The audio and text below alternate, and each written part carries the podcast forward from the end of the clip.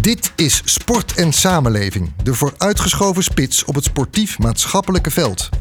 Deze maand met Roel van der Weijden van Club Kadercoaching NOC-NSF. Dorien ten Haaf van Nefobo, de Nederlandse Volleybalbond. Bram Sluis, voorzitter van volleybalvereniging Matthew uit Enkhuizen. En Jo Lucassen van het Mulier Instituut.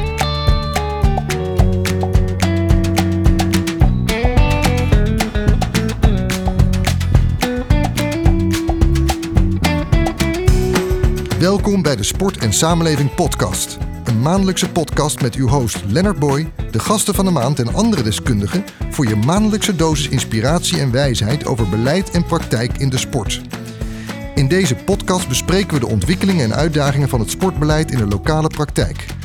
Iedereen die in deze wereld van sport en samenleving actief is, van bestuurder, ambtenaar, buurtsportcoach tot vakleerkracht of trainer, willen we met mooie gasten inspireren en wijzer maken. Deze keer met Roel van der Weijden van Club Kadercoaching NOC-NSF. Dorien ten Haaf van Nevobo, de Nederlandse Volleybalbond. En Bram Sluis, voorzitter van volleybalvereniging Matthew. Hen horen we zo. Maar we beginnen zoals altijd met de actualiteit. En we spreken daarover met Jo Lucassen, senior onderzoeker bij het Mulier Instituut. En we hebben Jo aan de telefoon. Jo, goedenavond. Ja, goedenavond, uh. Fijn dat je, me, dat je even beschikbaar bent. Jij houdt je als onderzoeker bezig met de vitaliteit van de sportverenigingen in ons land. En hoe staan die verenigingen er nou voor na zo'n zwaar jaar vol corona? Nou, eh, eigenlijk eh, staan die verenigingen er helemaal het, gemiddeld genomen niet zo slecht voor. En ehm, dat zegt heel veel over de verenigingscultuur in Nederland. Uh, dat verenigingen gedragen worden door ook door, door leden die erg betrokken zijn, veel bij een club. En bereid zijn om nog uh, hun contributie te blijven betalen, ook al krijgen ze daar niet zo heel veel voor terug. Dat zou je dus een geluk bij een ongeluk kunnen noemen. Dat we die bijzondere vrijwilligerscultuur hebben. Mensen heel sterk om die verenigingen heen staan. En het dus op die manier eigenlijk in gang hebben weten te houden. Ja, ik denk dat dat, uh, dat, dat absoluut uh, een, een, een, waarde is die we in Nederland uh, in dat opzicht hebben in, in, de, in onze sportsector. Uh, en ja, uh, het, dat is ook heel goed om dat te blijven koesteren. En natuurlijk verschilt het wel duidelijk van de ene voor de andere tak van sport. hoe, Um, ja, want hoe, hoe, meet jij nou als, als onderzoeker nou eigenlijk die vitaliteit van een sportvereniging? Wat, wat zijn dan de indicatoren voor, zo'n, voor de, zeg maar even de levenskracht van zo'n club? Wat gebruik je dan? Wat, wat hanteer je dan? Ja, nou, we gebruiken een aantal indicatoren daarvoor. Hè. Daar hebben we een aantal mooie schaaltjes voor gemaakt. Maar je zou kunnen zeggen, uh, wat, wat belangrijk is uh, voor de vitaliteit van zo'n vereniging, is in ieder geval dat zo'n vereniging een visie heeft. Hè. Dat die uh, ergens um, een, een, duidelijk beeld heeft van wie ze zijn en waar ze naartoe willen. En, um, en dan kijken we ook heel duidelijk naar hoe staat het kader ervoor. Uh, het bestuurlijk kader ook vooral. Dat zijn toch de mensen die in belangrijke mate uh, zo'n club trekken. Uh, en ook, ook daarnaast natuurlijk het begeleidend kader. Hè, mensen die de trainingen verzorgen en andere zaken regelen in de club. Hoe staat dat ervoor? Dat is een belangrijke factor. de hele ontwikkeling van de leden. Hè, dat kan natuurlijk ook verschillen. Uh, als je in een krimpgebied zit, dan kan dat uh, lastig zijn. Uh, en last but not least is een hele belangrijke factor de sfeer in een vereniging. Ja, dat is inderdaad heel, heel belangrijk. En hoe meet je dat, dat nou als onderzoeker? Ga je dan toch op bezoek om die sfeer op te snuiven? Of kan je dat toch wel degelijk uit data halen? Ja, wij, wij, wij, gebruiken over het algemeen gebruiken daar een aantal stellingen voor. Hè, per ja, zeg maar element van die vitaliteit die we aan die vereniging voorleggen. En dan uh, vragen we zo'n vereniging van, uh, nou, hoe is de samenwerking tussen uh, het bestuur en de vrijwilligers in de vereniging bijvoorbeeld? Of um, ja, hoe, hoe, hoe, ontwikkelt zich jullie ledenbestand over het afgelopen twee jaar?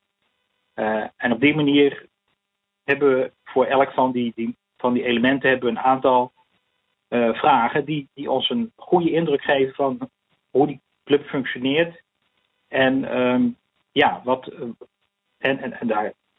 Uit, uit uit antwoorden op je vragen construeren we dan een totaalscore. Ja, nou ja, je hebt ons verteld, het valt toch in een zekere zin nog mee als het om die vitaliteit van die clubs in algemene zin gaat. En zeg jij dat komt toch omdat we die hele unieke cultuur hebben van vrijwilligers en ondersteuners. Jullie meten vervolgens ook heel specifiek aan de hand van allerlei criteria hoe het dan vervolgens met clubs afzonderlijk ervoor staat. Ehm, zou je kunnen zeggen dat de maatschappelijke betekenis van de sportvereniging eigenlijk door corona nog scherper is gedefinieerd? Dat we dat nog duidelijker hebben, hoe belangrijk dat is? Dat, dat is wel mijn uh, beeld. Hè. Uh, het is misschien wel een beetje een insiderbeeld, maar ik denk dat twee dingen heel nadrukkelijk naar voren komen in die, zijn gekomen in die coronatijd. Op de eerste plaats um, dat de vereniging een hele belangrijke sociale functie heeft. Het is een plek waar mensen elkaar kunnen ontmoeten. En ook heel graag, uh, dat heel graag doen. En um, ja, dat is in die, door, door de corona een hele tijd enorm beperkt geweest. Uh, bij buitensportverenigingen iets minder dan bij binnensportclubs. Uh, um, en dat, dat is dus iets ja, wat nu nog sterker zichtbaar wordt, die, die gemeenschapsfunctie van een vereniging, um, als een, een, zeg maar een ontmoetingsplek in de buurt of in de wijk of in, in, het, in, in, uh, in de stad. En daarnaast uh, ook de, je zou kunnen zeggen, de, de functie die verenigingen hebben voor de vitaliteit van mensen. Dat ze in beweging blijven, dat ze actief blijven. En ook dat is natuurlijk iets wat heel in, in, in ons coronatijdperk echt heel duidelijk boven water gekomen is. Dat ja, uh, er zijn her en daar eh, best wel wat coronakilootjes aangegroeid bij, uh, ja, ja. bij kinderen en bij, bij volwassenen. Mooie combi dus eigenlijk. Een sociale betekenis en dus die fysieke betekenis dat we ook met elkaar gewoon daardoor gezonder worden. Nou gaan we het zo meteen uh, met, met onze gasten hier in de studio hebben over de professionalisering van sportverenigingen. We praten erover met mensen vanuit de NOC-NSF, de Volleybalbond, maar ook Bram Sluis, die is zelf voorzitter van volleybalvereniging Matju uit Enkhuizen. Hoe, hoe zou jij professionalisering eigenlijk definiëren als wetenschapper? Ja, ik ben als wetenschapper dan uh, geneigd om te zeggen van dat, dat er niet één soort professionalisering is. En um, dat bij professionalisering heel erg gaat om dat um, bekwame mensen uh, de organisatie, in, in de organisatie aan het werk zijn. En die professionalisering kan dus, kan dus ook gaan over de professionaliteit van, van vrijwilligers. Um, dat is een, manier waarop je dat kunt invullen. Een andere manier waarop je kunt kijken naar professionalisering is dat je zegt nou, het gaat om mensen die ook met dat, uh, met dat werk hun, de kost kunnen verdienen, hè, betaald worden. Um, en je, hebt nog, misschien nog een derde uh, vorm van professionalisering. Uh, dat is je, dat je um, misschien weliswaar een vrijwillige organisatie bent, maar dat je professionele steun hebt. Mensen met een bijzondere expertise of die die meer beschikbaar zijn en die jouw vereniging, um, die jouw vereniging uh, op bepaalde punten ondersteunen, op bepaald werk voor je doen en op die manier ook ontzorgen. Mooi. Ja, en dan is eigenlijk meteen de vraag al beantwoord die ik je ook zou, zou willen stellen. Namelijk, gaat dat nou ten koste van die sociale functie? Hè? Als uh, verenigingen gaan professionaliseren, je hoort wel eens dat daar dan de angst komt dat die gezelligheid verdwijnt. Of dat die sociale functie opeens wordt overgenomen door betaalde krachten. Maar als ik jou zo'n hele mooie afgepelde definitie hoor geven, dan lees ik tussen de regels door dat jij daar misschien niet zo bang voor bent. Ik ben daar eigenlijk inderdaad echt niet bang voor. Uh, kijk, we praten in Nederland al 50 jaar over uh, het professionaliseren in, van, van verenigingen, van verenigingen, het professionaliseren in verenigingen. En er is een aantal keren is dat in meerdere of mindere mate uh, uh, zeg maar gestimuleerd en uh, van de grond getild.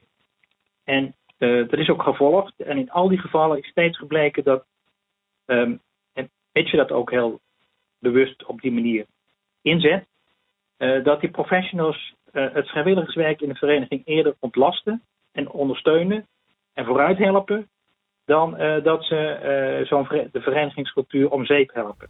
Ja, dus het helpt echt gewoon mee. En, en, waarom vind jij het op dit moment van belang? Wat is de urgentie waarom verenigingen eigenlijk daar toch een visie op zouden moeten ontwikkelen en daarmee bezig zouden moeten gaan? Ja, ik denk dat, dat, dat we echt uh, we zijn wel zo langzamerhand in een ander tijdperk aangeland dan, dan, zelfs dan, dan, dan 30 of 40 jaar geleden. Ehm, de eisen die wij, bekwaamheidseisen die we nu stellen aan begeleiders in een vereniging, en soms ook aan bestuurders, die, zijn, die zijn soms niet voor, door, door een vrijwilliger op te, te brengen. dus ik denk dat we zo langzamerhand zeggen van nou, als we bijvoorbeeld over het begeleiden van, van kinderen en van, van jeugd hebben, dat dat echt moet gebeuren door mensen die goed opgeleid zijn. Um, en niet door, nou ja, een, een, een, iemand, een, een, jongen of een meisje uit het eerste team die dat een beetje erbij doet, of een, of een ouder die dat een beetje erbij doet. Um, we vinden gewoon dat, dat we dat, dat we dat beter moeten, die begeleiding op een beter niveau moeten hebben.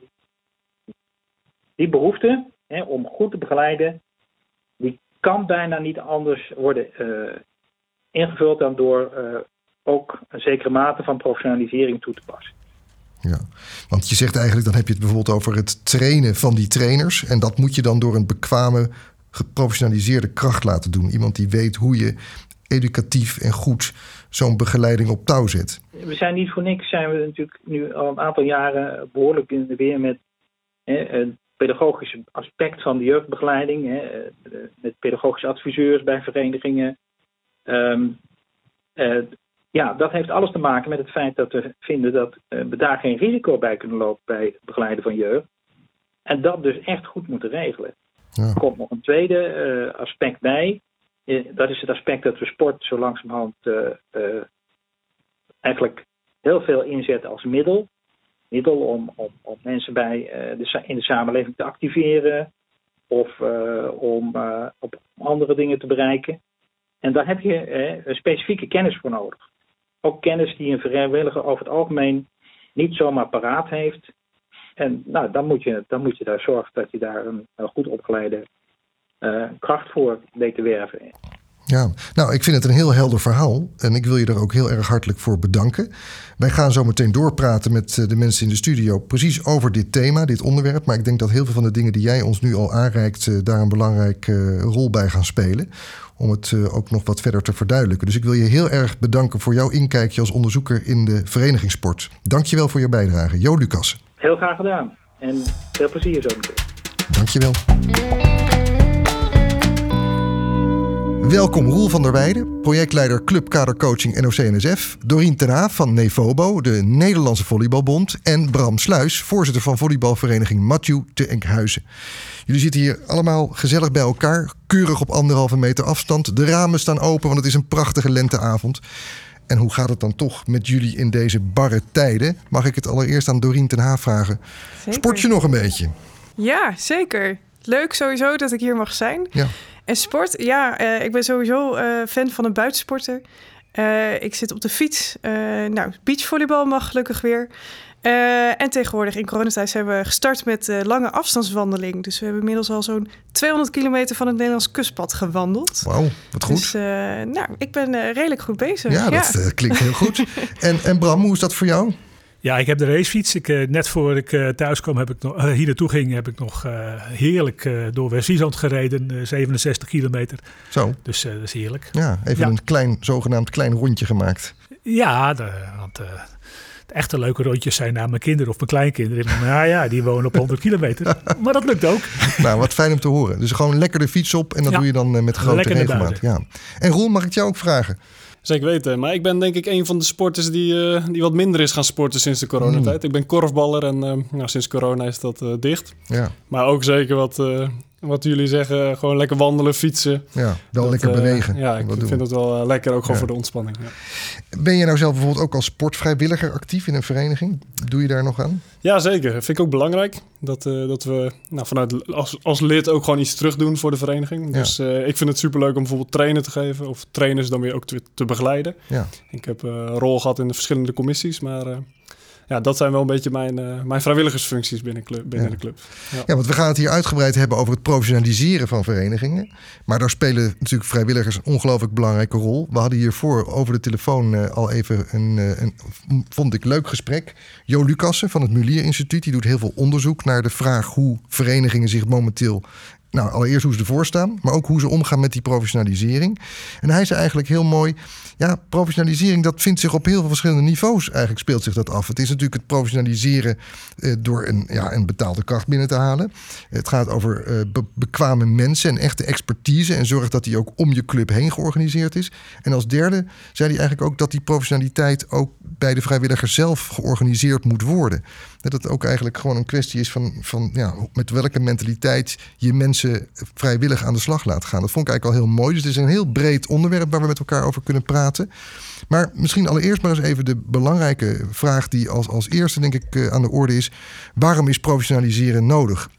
Roel, vanuit NOC-NSF hou je daar als projectleider ook specifiek mee bezig. Wat is de urgentie? um, laat ik even vooropstellen um, dat verenigingen echt al honderden jaren bestaan. En dat doen ze hartstikke goed. En ik geloof ook echt uh, zonder professionalisering dat ze nog wel honderd jaar kunnen blijven bestaan. Maar in de huidige tijd merken we dat, uh, nou, dat ze in een maatschappelijk veld terechtkomen. Van een, een, gemeente die iets van zo'n vereniging wil. Of een welzijnsorganisatie die ook de vereniging wil benutten vanuit haar kracht. En ik denk om mee te gaan met die aspecten, om dat goed te kunnen organiseren, helpt gewoon het professionaliseren van verenigingen, maar ook rondom verenigingen. Dus ik denk dat dat, eh, een belangrijke kern is om, uh, om clubs te helpen. En Doreen, hoe kijk jij daarnaar? waarom zie jij die urgentie dat dat belangrijk is? Nou, ik sluit me aan bij wat Roel zegt. Ik denk dat dat heel herkenbaar is. Inderdaad, uh, verenigingen zijn de kracht uh, binnen, de, binnen Nederland om mensen te laten sporten. Voor verschillende doelgroepen, de sporters zelf, maar ook de trainers, coaches die het leuk vinden doen, de scheidsrechters, de ouders, de fans. Um, en verenigingen, er wordt steeds meer van ze gevraagd, zowel binnen de club, hè, de, de, flexibele sporters, uh, ander aanbod wat moet worden georganiseerd om mensen bij de club te houden, maar ook, zoals Roel zegt, hè, de, de organisaties daaromheen. En verenigingen weten vaak wel wat er gedaan moet worden en hoe, maar dan loopt het stuk op wie het gaat doen, omdat het vrijwilligers zijn. Ja. Dus de noodzaak van een professionele kracht binnen de vereniging is daardoor nou, eigenlijk best wel gegroeid. En het is niet ter vervanging van vrijwilligers, maar juist ondersteunend en aanvullend en uh, begeleidend en inspirerend aan vrijwilligers. Ja, en dat raakt dan ook weer. trekkracht eigenlijk die je in die vereniging dan zet door er ja. toch één iemand betalend voor verantwoordelijk te maken. Ja, en dat kan op verschillende niveaus. Dat kan op technisch kader, dat kan op organisatie uh, of juist ook heel erg op vrijwilligersmanagement om, hè, wat je net aangaf, ook die vrijwilligers juist te professionaliseren. Want dat wordt ook wel meer van ze gevraagd. Dus dan is het fijn dat vrijwilligers kunnen uh, begeleid worden of kunnen steunen op iemand die daar binnen de club gewoon zijn werk van kan maken. Ja, en dat is gewoon goed, hartstikke leuk. Bram, is dat voor jou herkenbaar? Voorzitter van een volleybalvereniging in uh, Enkhuizen, Maju. Mooie oude vereniging. Ja, zeker. Uh, is het herkenbaar dat je inderdaad merkt, er wordt steeds meer van ons gevraagd? Die samenleving die vraagt steeds meer van de vereniging. Ja, wat toen we vorig jaar eh, bij de Algemene Ledenvergadering het voorstel Superclub hebben voorgelegd aan de leden, konden we dat ook heel makkelijk motiveren van deze ontwikkelingen zien we bij, binnen het volleybal, deze ontwikkelingen zien we binnen onze ledenkring, maar deze ontwikkelingen zien we bij de overheden. En de lat wordt dus steeds hoger gelegd. Mhm. En uh, we hebben een fantastisch aantal vrijwilligers, maar die moeten dus meegroeien in, in, in, het, in de lat hoger leggen, zonder dat je dus, ja, je mag dus ook verplichtingen stellen. En ik merkte eh, in mijn eerste voorzitterschapsperiode, zoveel jaar terug, merkte ik het ook al. Dan vroeg je mensen van, zou je wat dat en dat willen doen? Ja, maar joh, hoe moet ik dat doen? En het grote voordeel als je dus een professional, binnen je vereniging aantrekt, is dat je dicht bij huis die mensen meteen uh, kunt ondersteunen. Je hoeft ze niet vanuit Enkhuizen, een uithoek van Nederland, naar een cursus in Utrecht te sturen. Nee, ze hebben gewoon dichtbij hebben ze een professionele kracht. En die directheid is, ja, dat is gewoon een fantastisch stukje smeerolie. Ja, en ik denk, als ik daarop mag aanvullen, ik denk dat er afgelopen jaren is er veel geïnvesteerd in professionele krachten, de buurtsportcoaches, clubkadercoaching. En er verschil is nu dat er ook wordt gekeken naar professionele krachten in de vereniging, die ook andere uh, taken kunnen gaan doen. Dus de, de, gelukkig is er al een, een goede stap voorwaarts in de ontwikkeling van nou ja, hè, mensen die daar een werk van kunnen maken. En die prof professional binnen de club ja, die kan nog zoveel meer dingen doen dan uh, eigenlijk het taakpakket van een buurtsportcoach of een clubkadercoach. Ja, laten we er eens één ding uitpakken, want daar hebben jullie het al een beetje over. Het, het, het eigenlijk het kader ontlasten en helpen en coachen. Nou, dat is dan clubkadercoaching genoemd. Clubkadercoaching klinkt goed. Uh, Roel, jij, jij, jij begeleidt dat vanuit NOC-NSF. Wat, wat houdt dat nou precies in? Hoe, hoe gaat het in zijn werk? Ja, mag ik een klein aanloopje nemen? Ja, ga je gang. Ik ben uh, afkomstig van het Korfbalverbond en toen was ik al gedetacheerd naar NOC-NSF. En dat programma heette toen trainersbegeleiding. En trainersbegeleiden focust zich echt op de vrijwilligers van clubs. Dus we hadden veel contact vanuit NOC-NSF met sportbonden. Dat is onze primaire doelgroep die we willen... Dat zijn eigenlijk onze leden.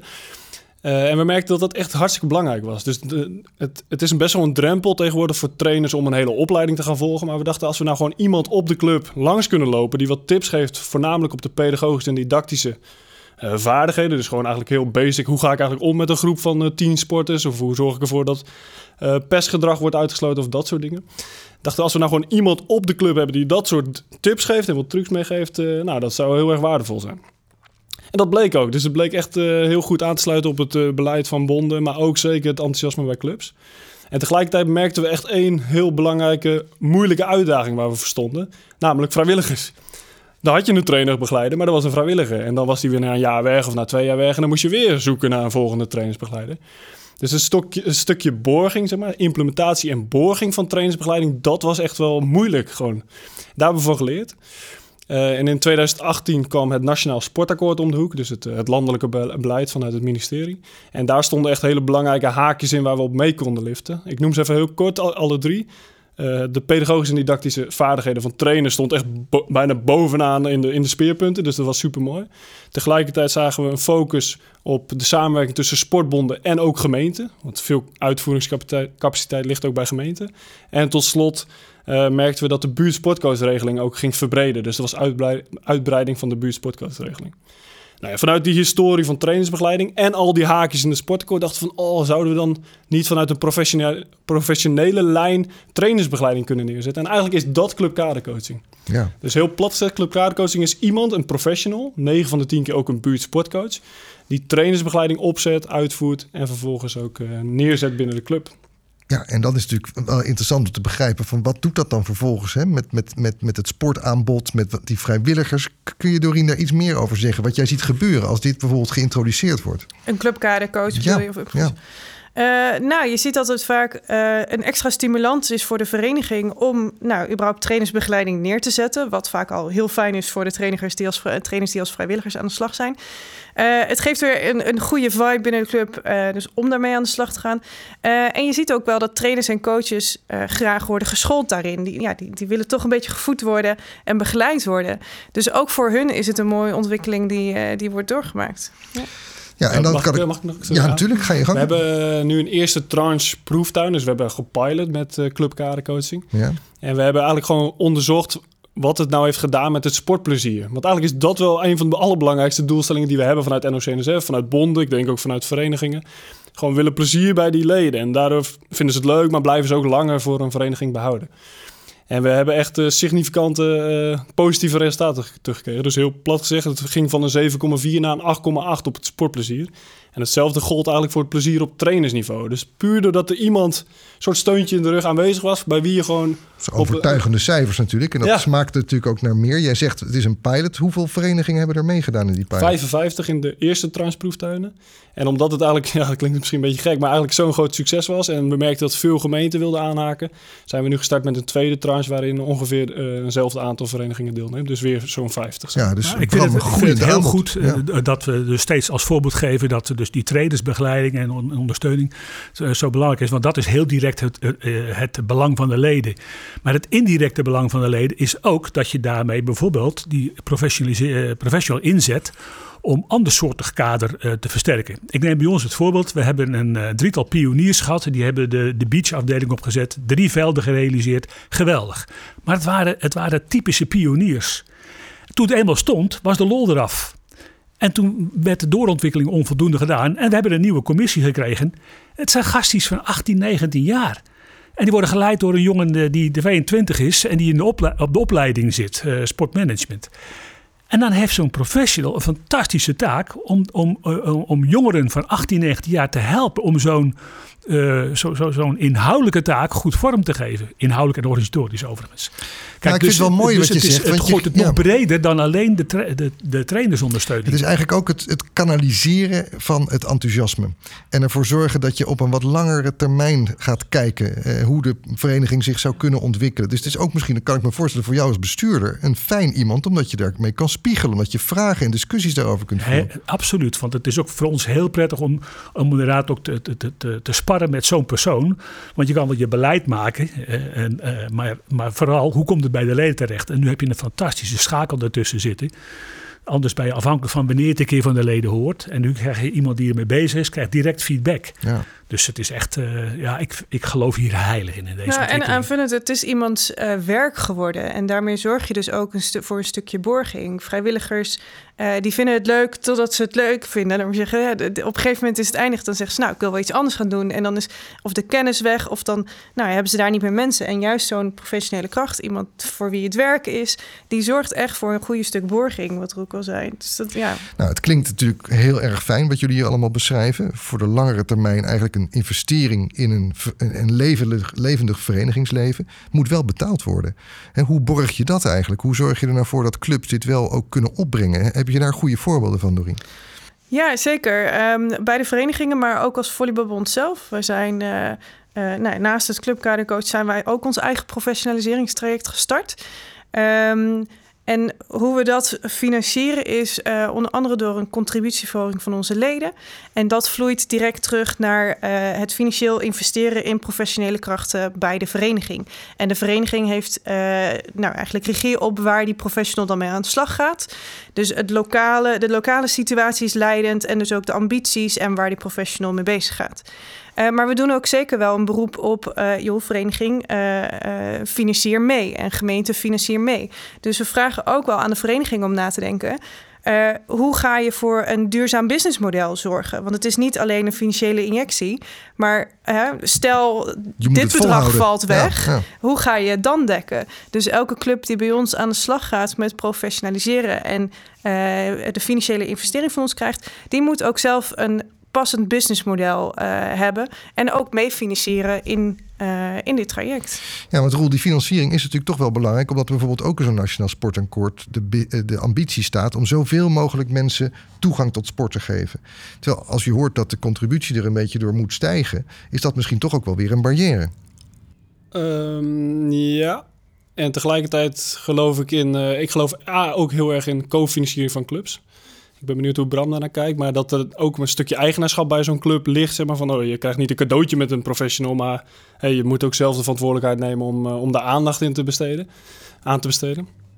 En tegelijkertijd vind ik het ook gewoon een verantwoordelijkheid van bijvoorbeeld een sportbond of van een gemeente die uh, misschien net even iets meer vraagt van een vereniging dan waarvoor ze in principe voor uh, op aard zijn. Zeg maar. Dus gewoon hun sportorganisering en zorgen dat dat goed draait. Maar als jij als gemeente zegt, ja, maar ik heb ook gewoon uh, uh, zeg maar meer de sport als middeldoelstellingen. Gezondheid, inclusie. Nou, dan vind ik ook dat je daar. Uh, want het is een super goedkope middel, de vereniging, hè, op de vrijwillige basis. Nou, dan vind ik ook dat je daar een investering in wil doen. En toch nog. ik weet even de bron niet, maar uit onderzoek blijkt dat een, een return on investment, investment principe is. Dus elke euro die je investeert in de sport, krijg je 2,50 euro aan waarde voor terug. Dus uh, volgens mij zijn het eigenlijk alleen maar hele goede argumenten. Op ja, dat, en mensen zijn ook echt wel bereid om te betalen voor kwaliteit. Dat ja, zie je. En daardoor ja, is die, die, uh, of die extra financiële bijdrage via contributie of op een andere manier. Als ze zien wat ze er terug voor krijgen, dan zijn mensen echt wel bereid om dat te betalen. En het belangrijkste is dat we het samen doen. Dus een gemeente, een club, een bond, NOC, uh, de overheid. Uh, dat het ja, ja, samen moet. Ja, Bram, hoe ging dat bij jullie op die beroemde vergadering waar ja. besloten werd: we gaan die superclub zijn, we gaan die professionalisering doen? Er is vast ook gesproken over de vraag: ja, maar wat betekent dit voor de financiën? En wat, sluiten we daarmee mensen misschien uit? Ja, klopt. Want dat was de, het is een forse investering ook. Hè. Wij investeren jaarlijks 10.000 euro als vereniging. En we hebben met de leden afgesproken dat we die binnen drie jaar voor 75% uit nieuwe inkomsten halen. Mm. En die zijn 50% willen we uit sponsoring halen. Die hebben we nu al binnen omdat namelijk uh, wij met onze doelen van Superclub we ook heel veel maatschappelijke doelen. Meer mensen laten bewegen, de kwaliteit van bewegen laten toenemen. En dat, daar zijn uh, meerdere sponsoren, uh, juist de grotere sponsoren, zijn er zeer in geïnteresseerd. Dus dat is mooi om te zien. nou, we willen een aantal activiteiten binnen de vereniging versterken. En we willen een deel van de contributie laten opbrengen door de contributie te laten stijgen. Maar dat gaan we niet eerder doen dan dat we de, door evaluatie, door de tevredenheidsenquêtes laten zien. Leden, je hebt echt profijt, van je lidmaatschap bij Matthew als wij een professional hebben. Dus we willen dat eerst het bewijs tonen en dan gaan we stapje voor stapje de contributie ook verhogen. Ja, en dan zegt Roel natuurlijk ook, het is ook eh, bedoeld om daarmee een ander gesprek met de lokale overheid te kunnen voeren. Want ja, je kunt dan ook een aantal sociale en maatschappelijke doelen die de politiek zichzelf vaak stelt, eigenlijk beter realiseren. Ja, Ah, klopt. De, de, de, je merkt dat de politiek zeker geïnteresseerd is in, die in de, in de uh, sociaal-maatschappelijke doelen. Maar goed, wij zijn een stad die niet zo erg ruim in de middelen zit. Dus wij moeten het gewoon lekker eh, financieel zelf opbrengen. Vind ik helemaal niet, eh, helemaal niet belangrijk. Want ik wil niet te veel leunen op overheden. Ik vind dat we het vanuit onszelf moeten doen. Wij geloven hierin als vereniging. En wij gaan onze leden een, een, een hogere kwaliteit van lidmaatschap bieden. Door bewegen en door de sociale activiteiten die je met, bij het verenigingsgebeuren En herken je nou wat Roel eigenlijk uit het onderzoek uh, aanhaalt? Namelijk dat de tevredenheid en eigenlijk het plezier gewoon ook daardoor vergroot is. Ja, prachtig voorbeeld. Uh, met alle beperkingen in de coronatijd uh, was het oktober, november. Je mocht maar met twee mensen sporten. Uh, het werd geloof ik woensdags af, aangekondigd. donderdag hadden wij een aanbod. Maandag begon meteen de nieuwe activiteiten. En mensen waren zo blij dat ze mochten bewegen. Oh ja, het was niet de teambeweging. Nee, dat kon niet, want je mocht maar met twee personen tegelijk. Maar de Profession had een, een, een, een, eh, een beweegvorm neergezet. Waar mensen op verschillende manieren konden bewegen, een uur lang. En uh, nou, dat, dat, je, zag, het, je zag het plezier van mensen uh, afspatten. En na een uur stonden de volgende 16 te trappelen in de sporthal. Ja, mooi. Dat was geweldig. Nou goed, we hebben het volgens mij al, uh, heel mooi afgepeld welke extra's zo'n professional mee kan brengen. Dus de, allereerst natuurlijk de educatieve kant. Je kunt gewoon nog beter trainers, vrijwilligers instrueren, helpen om in groep, voor de groep als het ware, gewoon beter je werk te doen. Om de continuïteit te borgen.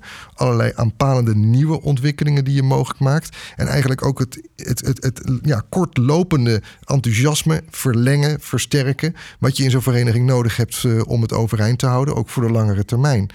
Is het nou ook zo dat jij voorbeelden ziet, Doreen, van professionals die dan ook vervolgens mee kunnen helpen om de visie voor de langere termijn van de sport mee te ontwikkelen? Zie je dat ook gebeuren? Ja, zeker. Wat we, wat we zien is dat er eigenlijk verschillende soorten professionals uh, aan de slag zijn of gaan.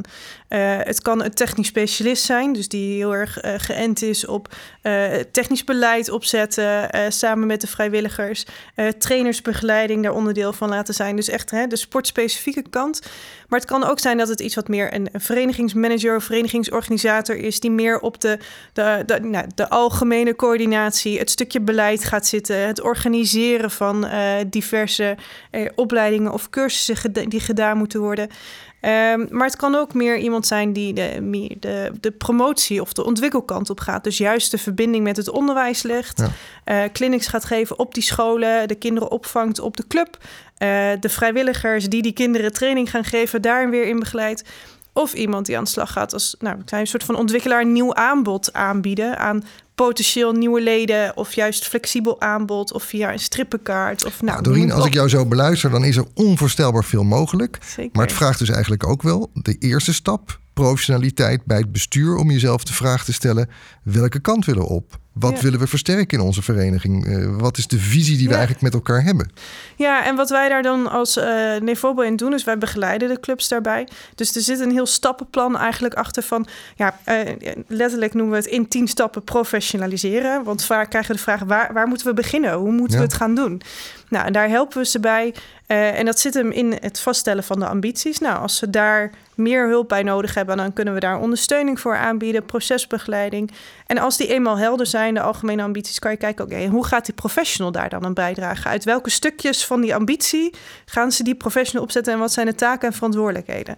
Nou, en dan zijn er nog zo'n acht stappen daarna hebben wij helemaal uitgewerkt, kunnen we zeker in begeleiden. Want het is voor iedereen eigenlijk best wel nieuw. het is uh, Nou ja, een, een, hele nieuwe richting. Uh, dus dat gaan we graag met elkaar delen en met elkaar aanpakken. En Roel, heeft NOC en NSF ook zo'n stappenplan? Heb je ook dat soort van uh, stapjes die je kunt doorlopen... om inderdaad je ambities scherp te stellen en te weten... wat hebben wij nodig om een goede professionaliseringsslag te maken? Nee, die hebben we niet. Uh, daar komt ook, in principe heeft NOC-NSF geen contact met verenigingen. Wij zijn een ledenorganisatie en onze leden zijn sportbonden. En je merkt ook dat steeds meer nou, toch gemeentelijke instellingen zijn aangesloten bij NOC-NSF. Maar eigenlijk proberen wij dus bonden vooral bewust te maken van... hé, hey, maar hoe doe jij dat nou, zo'n supergoed intakegesprek? Zeg maar de vraag achter de vraag achterhalen, noemen we dus dat het voorbeeld van Nevobo, dat is wel echt een goed voorbeeld. Een supergoed voorbeeld. En ja. uh, eerlijk gezegd, uh, als ik namens NOC-NSF spreek... maar die wordt ook altijd als voorbeeld gebruikt van... oh, maar kijk eens hoe de Nevobo dit heeft uitgewerkt. Ja. Je merkt trouwens, dat is leuk, want uh, Nevobo is echt gewoon een voorloper... ten opzichte van andere sportbonden. Dat is een dik compliment trouwens. Dank maar je merkt dat dankzij de Nevobo ook dat kwartjes gaan vallen bij andere bonden. Dat ze echt willen leren van Nevobo, oh super fijn, daar willen we, we gaan meekijken. Want hoe doen jullie dat? En wij gaan dat ook in gang zetten. Want als ik me niet vergis, Doreen, heeft het bij jullie volgens mij ook wel twee of drie jaar geduurd voordat je hier echt door de ledenvergadering heen hebt gekregen. En het is hetzelfde proces als wat een vereniging loopt, uh, doorloopt bij, bij een club. Weet je, bij ons, wij zijn ook een vereniging, dus er zit ook een, nou ja, een bestuur, een bondsraad achter. Die willen ook gewoon een gedegen plan hebben van, goh, je gaat de contributie verhogen, waar gaat dat naartoe? Ja. Nou, dat hebben we zo en zo uitgewerkt, dus dat heeft ook een, zeker een aanlooptijd gehad. Bram, als ik dit allemaal zo hoor, hè, ik word er enthousiast van. Er kan een heleboel, maar wel stap voor stap goed, door, goed doorlopen. Ik kan me wel voorstellen dat er bij jullie inmiddels ook wel andere verenigingen aankloppen die zeggen, joh, uh, kunnen we eens wat van jullie leren? Kan je ons, ons vertellen hoe wij moeten aanpakken? Ja, nou, op twee manieren zie je dat. Een concrete is er al dat we als volleybalvereniging in West-Friesland samenwerken. We heten Team West-Friesland. We werken nu een jaar of zeven samen. En dan is het, dan is de, het feit dat Matthew Superclub geworden is van de Levobo, is het, vult het geweldig aan. Je ziet meteen dat anderen ook ja, dat leerproces, dat ontwikkelproces, daar hongerig naar worden. Dus dat, dat, dat, ben ik echt, nou ja, dat, dat was bijna een vanzelfsprekend. Binnen Enkhuizen zijn we verenigd, in, uh, alle sportverenigingen in Sport Beweegt. Uh, en daar zie je nu ook voor het eerst uh, van... hé, hey, wat is er bij jullie gaande en, en wat doen jullie? En bij de uitwerking van het sportakkoord zijn wij bereid... onze professional ook vanzelfsprekend in te zetten. Want uh, ja, uh, hoe sterker de sport wordt, hoe meer ook Matthew uh, en volleybal ervan profiteert. Ja, We mooi. moeten gewoon die cultuur, die beweegcultuur versterken. Ja. Nou, Misschien daarover gesproken, ja, Dorien, ga je gang. Als, als aanscherping even, want we hebben het over professionaliseren. En Bram noemt een aantal keer superclub. Dat is natuurlijk weer een beetje een nieuw woord. Ja. Kijk, elke vereniging kan professionaliseren. Uh, vanuit ons uh, stellen we een superclub aan op het moment dat ze samenwerken met een aantal andere verenigingen, bijvoorbeeld minimaal drie verenigingen. Um, zodat ook de kleinere verenigingen uh, voordeel halen uit een professionele kracht bij een club. Het is immers nou, algemeen uh, geld van de hele volleybalgemeenschap. Dus het moet in die zin voor, en voor elk lid moet kunnen ervaren wat, wat een professionele kracht is. Ja. Dus professionaliseren kan elke vereniging en die helpen we ook. Um, Superclub is dus een samenwerking met meerdere verenigingen. En dan komt er ook vanuit ons financiële ondersteuning. En zijn er een aantal uh, nou ja, aanvullingen ook vanuit de club nodig. Ja. Dus ook waar we het net over hadden. En dan zet je dus je schouders onder toch een wat grotere ambitie. Dus daar moet je als club wel voor kiezen. Hè? Dat vraagt dus ook wel meer, meer inzet. Ja, zodat ook die superclub, dat zijn de meerdere clubs die ook die regionale functie gaan doen. Hè, zodat er in de regio ook wordt gewerkt aan het volleybal. En nou, bij Marchu in Enkhuizen is het een voorbeeld. Een ander voorbeeld is de Rotterdam. Er zijn vijf kleinere verenigingen juist met elkaar gaan samenwerken. Nou, ja. die leggen ieder 2000 euro in. Kom je samen tot de 10.000, de cofinanciering die nodig is. Ja. Maar dan heb je als kleinere clubs dus ook daar voorbeeld aan. Ja, dus we krijgen ook wel vaak, ja, maar ik ben een kleine club, wat heb ik eraan? Nou, wel degelijk iets. Zoek de samenwerking op en we gaan samen kijken hoe het vormgegeven Nou, dat lijkt me al een hele belangrijke oproep vandaag. Hè. Zoek die samenwerking op. Zoek ook misschien wel clubs in je buurt op die al deze stappen aan het zetten zijn. Uh, haal je uh, informatie van je eigen bond of kijk bij NOC-NSF. Want er is gewoon een ongelofelijke hoop in beweging gezet. En er is al ontzettend veel ook geleerd. Dus dat kunnen we ja. allemaal met elkaar benutten. Nou, en het is heel leuk dat we ook al inderdaad door andere bonden worden benaderd. En joh, hoe doen jullie dat nou? Die willen er ook voor weten. Dus daar vertellen we ook graag hoe, ja. Ja, hoe we het aanpakken. En kijken of we hun er verder bij kunnen helpen. Nou ja, nou heeft iedereen natuurlijk ook inmiddels al een beetje over de periode na corona. Het gaat toch een keer lukken, zou je zeggen. We zijn met elkaar flink wat corona-kilo's aangekomen. En tegelijkertijd, jullie hebben het hier en daar natuurlijk al wel gezegd. Het laat zien dat gezonde lifestyle, levensstijl gewoon super belangrijk is. We moeten gezond blijven met elkaar. Uh, en dat wordt ook in de politiek inmiddels wel erkend. Er is zo'n nationaal sportakkoord. Er wordt natuurlijk regelmatig ook door politie wel gezegd hoe belangrijk het is. In persconferenties, jongens, sporten met elkaar. Die verenigingen die moeten weer open kunnen. Maar hoe maken we het nou toch wat politieker urgent dat ook die professionaliseringsslag, die verenigingen eigenlijk zouden kunnen doormaken, ook door de politiek wordt ondersteund en gezien? Ja, Roel, om te beginnen, jullie hebben als NOC-NSF een brief gestuurd naar de informateur. aandacht ja. aandacht voor, voor, voor die sportcultuur, voor dit soort van zaken. Cenk Winning, die hebben jullie dat, dat gegeven, dat opgestuurd. Wat staat er in die brief? Het staat, het staat eigenlijk in de, de, urgentie van sporten en bewegen staat erin. En jij noemde al uh, nou, de gezonde leefstijl. Die is, uh, want het gaat kijk, we ervaren allemaal hoe, hoe mooi sport is als het er wel is. En tegelijkertijd ervaren we nu ook hoe super vervelend het is. Ik een ander woord gebruiken als het er niet is. Ja. Uh, en dat merk je gewoon in alles. Dus in de gezondheid, in de leefstijl, maar ook bijvoorbeeld in de scheiding. Met nog, eigenlijk is er een nog grotere kloof geworden, gekomen met kwetsbare doelgroepen. Die misschien nog, nog wel moeilijker hebben in de samenleving. En dat is wel een van de belangrijkste boodschappen. Dus het gaat over de gezondheid. Hè? Dus gezondheid, fitheid vind ik belangrijk. Maar ook over de sociale aspecten rondom sport en bewegen. Ja. En uh, nou, die urgentie willen we vooral laten landen. En dan ook, nou, daar hebben we meer voor nodig dan dat het nu is. Zeker met de opstart na corona. Dus daarom is eigenlijk het speerpunt nummer één, is, nou, waar we het net al heel tijd over gehad hebben, is uh, ja, investeren in professionalisering. Ja. Ja.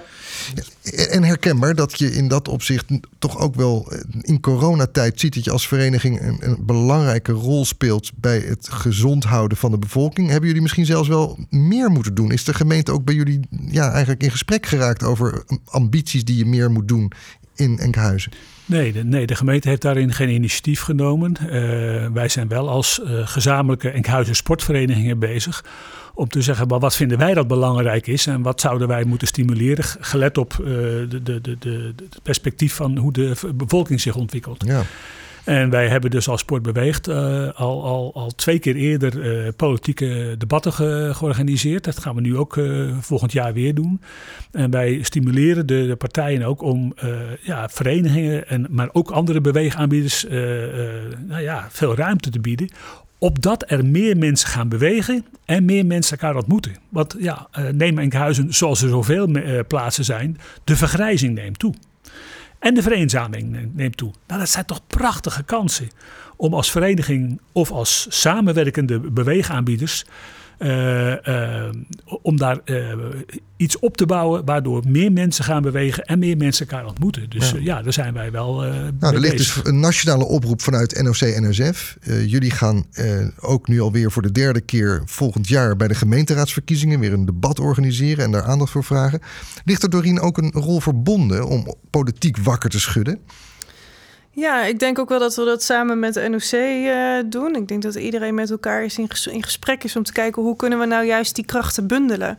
Um, en uh, ook vanuit bondsperspectief zijn we in gesprek uh, met de overheid. Het, het, zit hem denk ik op verschillende lagen. En ik denk ook dat dat het aan de bond is om goed te kijken. Dat het aan de bond is om goed te kijken hoe zij daar van meerwaarde in kunnen zijn. En nou, samen het geluid laten horen. Ja, dan hebben we toch ook wel in deze uitzending al een paar keer voorbij horen komen dat er eigenlijk op heel veel domeinen vast geld geregeld is in de begroting van de Nederlandse staat.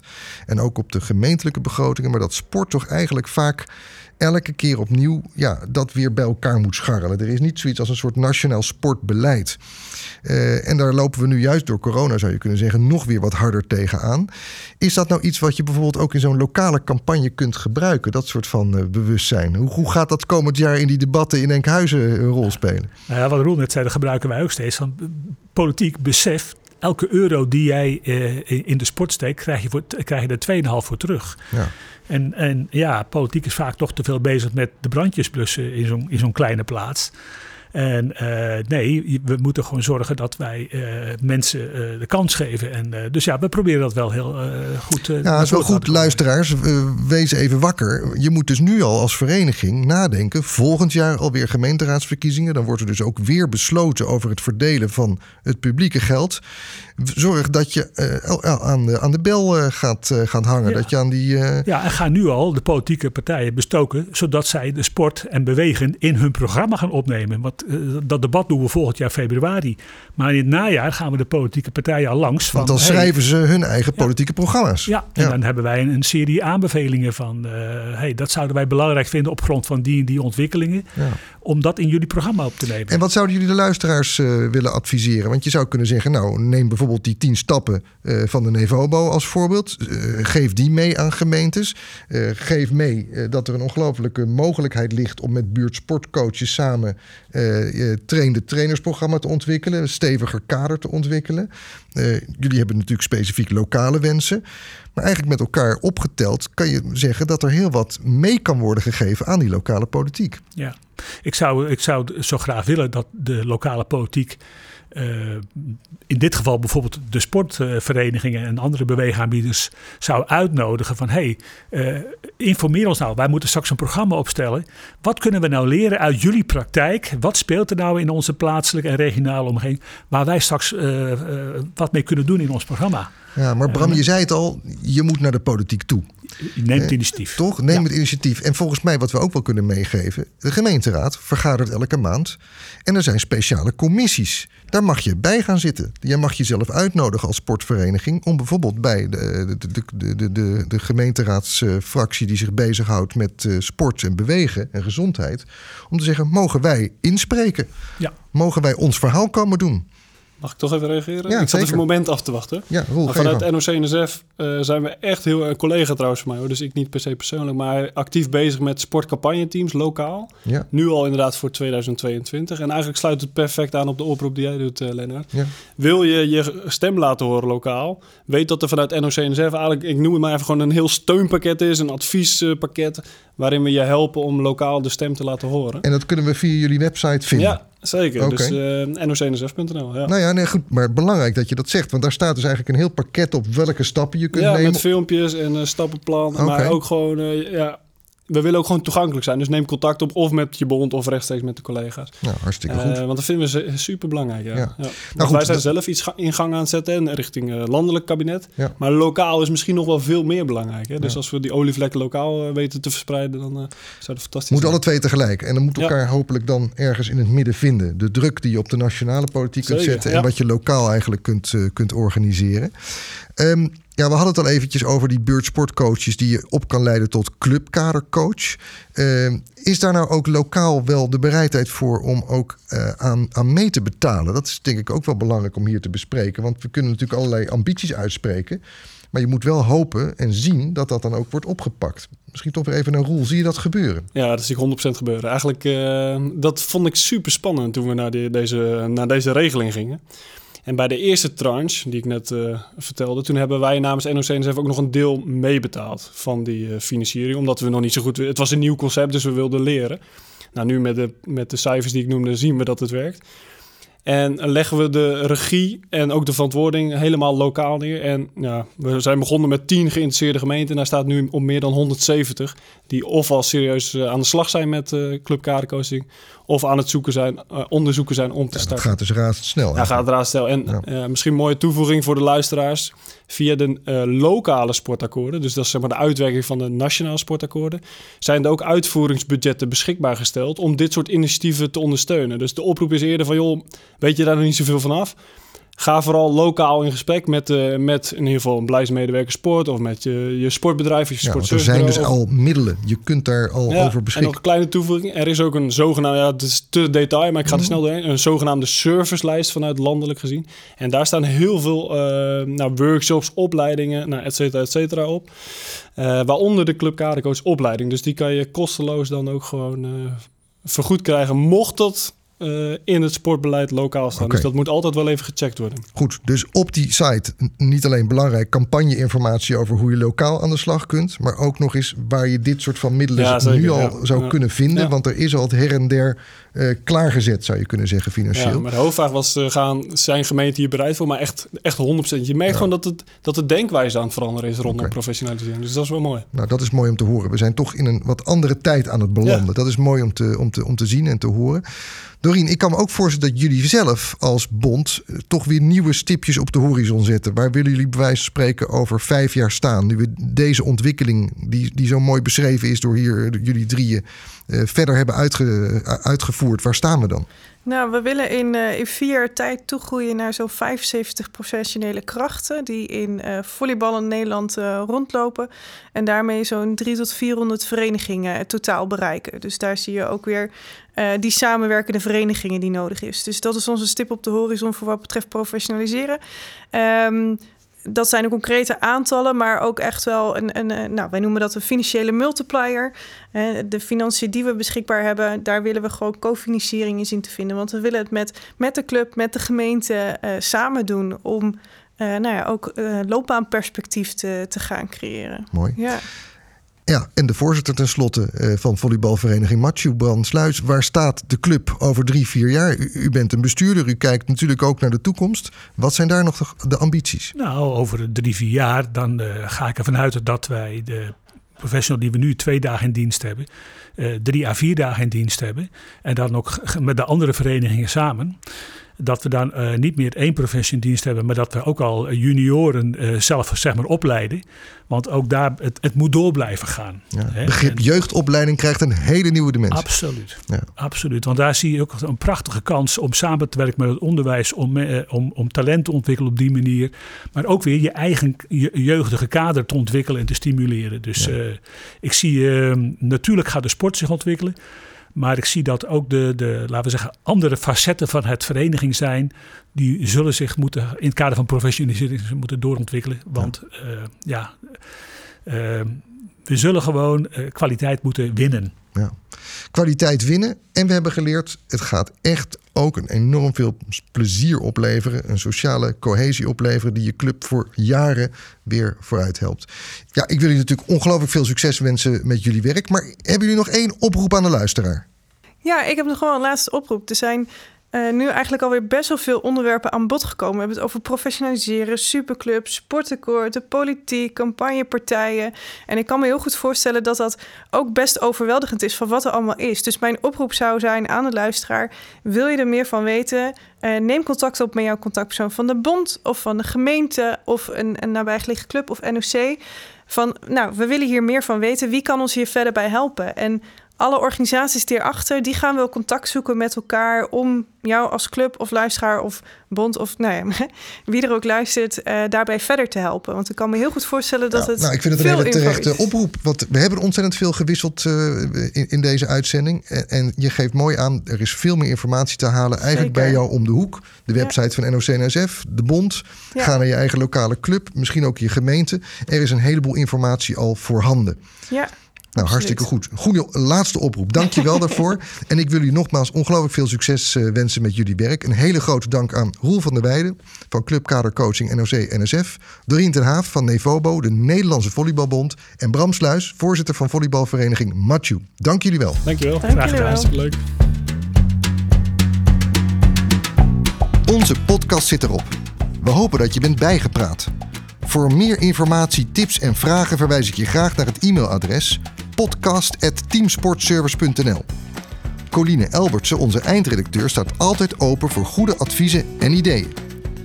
Deze podcast is een initiatief van Team Sportservice, uitvoerder en adviseur van sportbeleid in de lokale praktijk en de provinciale sportorganisatie van Noord-Holland, Zuid-Holland en Utrecht. Ik wens je voor nu een bewegelijke dag.